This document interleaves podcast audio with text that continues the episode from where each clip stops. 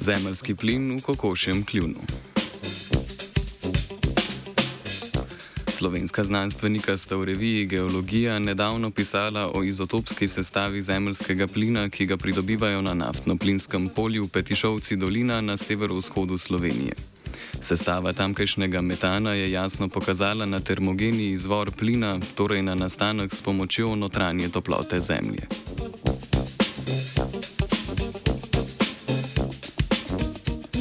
Nafto in zemljski plin so na območju Petišovci dolina odkrili že leta 1942. Danes je to edino delujoče naftno-plinsko polje v Sloveniji. V preteklih 15 letih je pridobivanje nafte nihalo med 2670 in 6500 sočkov na leto, kar je manj kot Kuwait pridobil v eni uri. Pridobivanje zemljskega plina pa je v zadnjih 15 letih nihalo med 1,8 do 5,4 milijona kubičnih metrov na leto. Največja produkcija je bila leta 2018, kar je posledica uporabe mehanične stimulacije oziroma hidravličnega frackinga.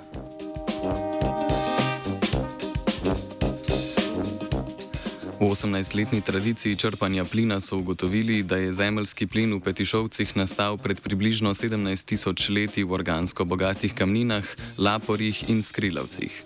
Zemljski plin se nahaja v vsaj dveh plasteh sedimentnih kamnin.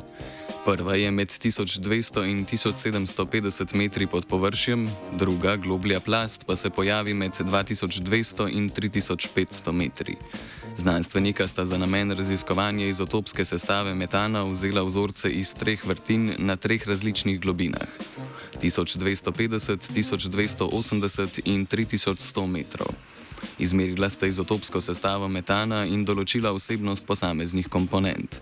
Pri zemljskem plinu z višjega nivoja sta ugotovila višjo vsebnost metana, medtem ko je bilo oglikovega dioksida zanemarljivo malo.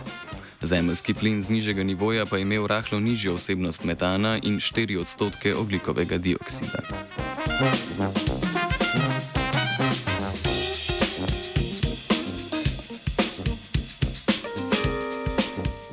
Območje, ki sta ga raziskovala, je tektonsko razgibano.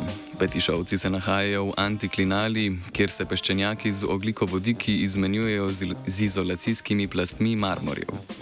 Območje je v coni tektonske inverzije in se zaradi tega počasi niža glede na okolico.